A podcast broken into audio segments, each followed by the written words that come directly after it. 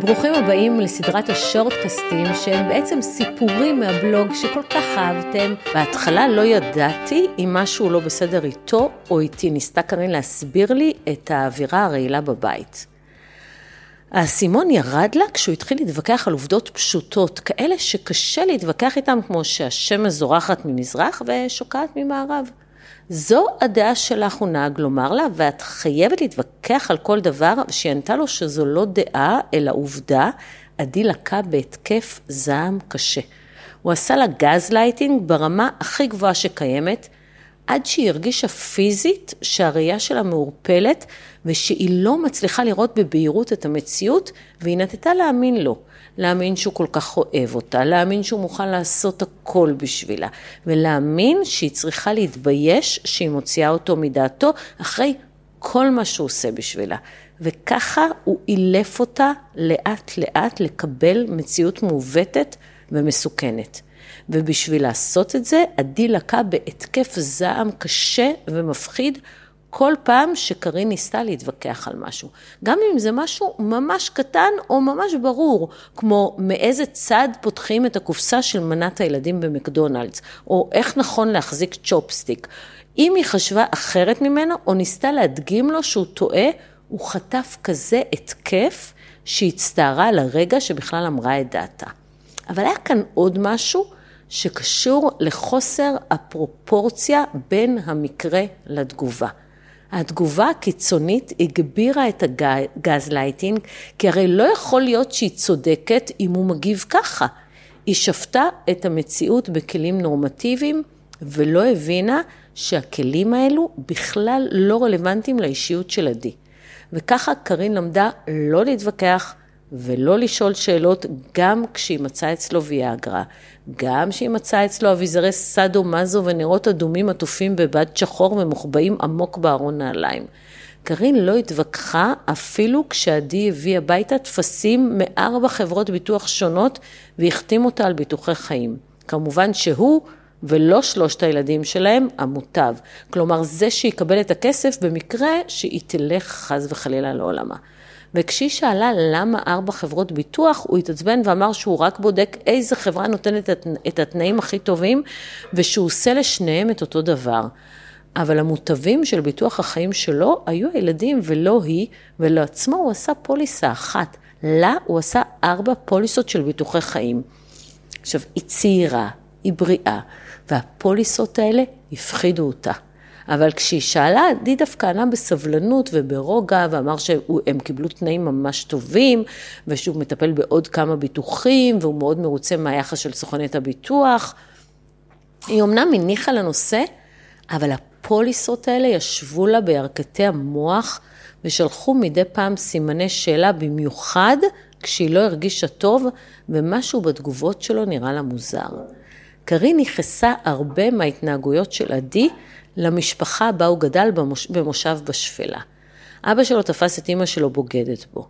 אם הוא היה יכול, הוא היה תולה אותה על חומה וסוקל אותה באבנים, אבל הוא רק לקח לה את הילדים, ארבעתם, ואמר להם שאימא שלהם זונה, ושאם הם נשארים הילדים שלה, הם הופכים להיות ממזרים בני זונה, ואף אחד לא יתקרב אליהם. שנים היו שנות ה-80, ואת המונח ניכור הורי כנראה לא ממש הכירו. האימא חזרה בבושת פנים להוריה בירושלים, והם נשארו עם האבא והתנתקו ממנה. האחיות הקטנות שלו בכו והתגעגעו, ועדי סיפר איך אבא שלו היכה אותם אחרי שאמר כמה פעמים, אם תמשיכו לבכות אני אתן לכם סיבה לבכות, עד שהם למדו לבכות בלי קול. אחרי הצבא נוצר מחדש קשר עם אמו, אבל את השנים שחלפו אף אחד לא החזיר לא להם ולא לה. היה לקרין ברור שעדי נסרט עמוקות מנסיבות חייו, אבל כמו בהרבה מקרים כאלה, היא טעתה לחשוב שהאהבה שלה תרפא את הפצעים. בהתקף זעם אחד הוא הלך רחוק מדי. הוא זרק מאפרה על הרצפה בכזו עוצמה שהיא התנפצה ורסיס אחד נכנס לה לרגל ופגע בכלי דם והתחיל להשפריץ לה דם מהרגל, ואז היה רגע כזה שבו הזמן עמד מלכת וההתקף שלו נגדע באחת, והיה לו מבט מוזר בעיניים עם תערובת של שלווה ותמיהה.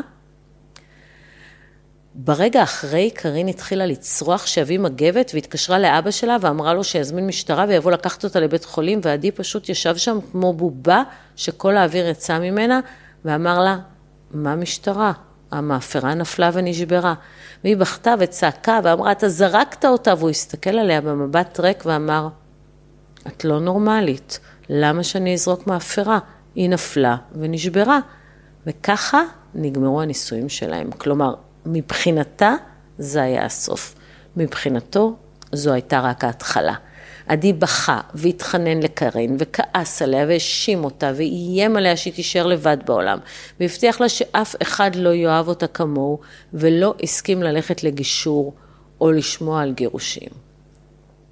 בסוף, כמו בהרבה מקרים כאלה, לא הייתה ברירה והגישה בקשה ליישוב סכסוך ולא הסכימה ששליח יביא לו אותה, אלא רצתה למסור לו בעצמה ולהרגיע אותו.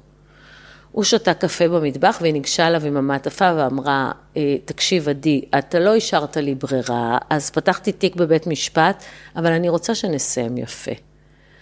והוא חטף לה את המעטפה מהידיים וקרע אותה לגזרים וצרח, את עשית את טעות חייך וחטף לה את הטלפון הנייד ורץ החוצה והיא רצה אחריו והוא נכנס לאוטו ונעל את עצמו ולא הסכים לצאת והיא הרגישה חסרת הגנה בלי הטלפון ורצה לשכנה והזעיקה משטרה.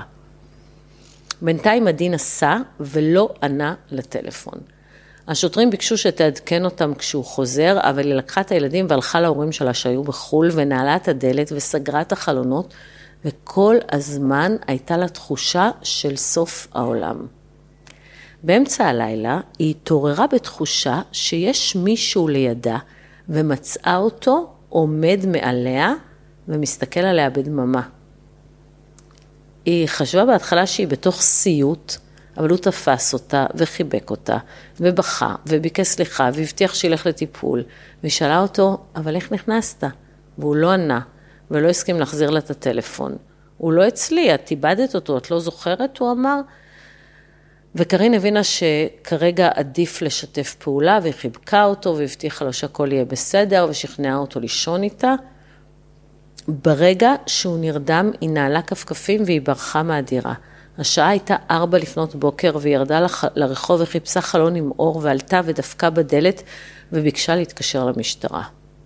כשהשוטרים הגיעו, הם לקחו אותו איתם והיא חזרה עם הילדים לדירה שלהם. למחרת התקשרו ואמרו שלא הייתה שום מילה להרחיק אותו, אז הוא הורחק מנהלתית ליומיים רק כדי להרגיע את הרוחות. בחקירה המשטרתית הוא אמר שהוא פשוט דאג לאשתו ולילדים, שראה שהם לא בבית, והלך לחפש אותם אצל ההורים שלה, ולבית של ההורים שלה הוא נכנס עם מפתח רזרבי, שאבא שלה פעם ביקש ממנו לשמור ואף אחד לא זכר את זה. והוא לא יודע איפה הטלפון שלה, כי היא מאבדת דברים כל הזמן, וכל הזמן היא מאשימה אותו. והוא כבר רגיל, המאפרה נפלה, הוא לא זרק אותה, היא נפצעה מרסיס של המאפרה שנשברה, והוא טיפל בה, והיא מתגרשת כי כנראה יש לה מאהב. ולכן היא רוצה לסלק אותו מהבית. אבל הוא, הוא לא אלים, הוא אדם נורמטיבי שמעולם לא פגע בזבוב. לא היה אפילו טעם להגיש נגדו צו הגנה, כי רמת התעתוע הייתה כה גבוהה, שהיה ברור שהוא לא יורחק. המזל היה שההורים שלה תמכו ושכרו עבורה דירה, ואני שכנעתי אותה להתחיל לחיות במקביל להליך המשפטי, כי לפעמים אין דרך אחרת. כשאי אפשר לגרום למישהו לשתף פעולה או להגיע להסכם, אין דרך אחרת.